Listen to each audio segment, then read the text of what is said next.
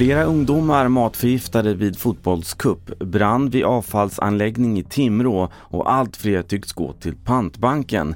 Men först i TV4 Nyheter om att Israel under morgonen har genomfört nya flyganfall mot Gazaremsan. Samtidigt avfyras raketer från Gaza mot södra Israel. Striderna beskrivs som de värsta på ett år. De israeliska flygräderna har dödat minst tio personer varav ett barn enligt palestinska myndigheter.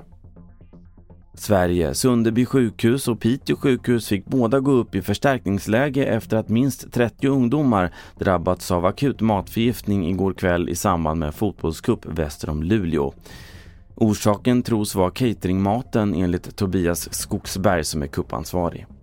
Ja, det var eh, en kaotisk kväll. Det var spelare som satt på skoltrappor, spelare som satt på gräsmattor på kullar, som låg och skrek och kved och hade jättesmärtor i magen.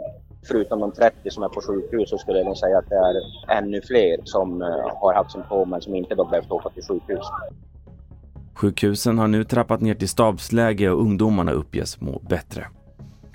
Det brinner i en avfallsanläggning i Timrå industriområde och det har därför gått ut ett viktigt meddelande till allmänheten om att vara inomhus och stänga fönster, dörrar och ventilation. Lars Hammarström är inre befäl på räddningstjänsten. Det här blir ju väldigt hett så det har egentligen ingen effekt att lägga på vatten där. Eh, kraftig rökutveckling och så är det spridningsrisk mot däcklager som ligger där alldeles bredvid där också. Så det är det vi försöker förhindra nu. Till sist, efter det försämrade ekonomiska läget med högre räntor, dyrare bränsle och mat har utlåningen hos pantbankerna ökat med 24 procent. Peter Sundström är VD på Pantbanken Sverige. Ja, I vanliga fall så brukar det lugna ner sig på pantbanken när det är kriser. Men den här gången så har nog folk blivit tagna på sängen hur snabbt som det har ställts om i den privata plånboken. Och det är nog den stora skillnaden. Fler nyheter på tv4.se. Mitt namn är Carl-Oskar Alsen. Thank you.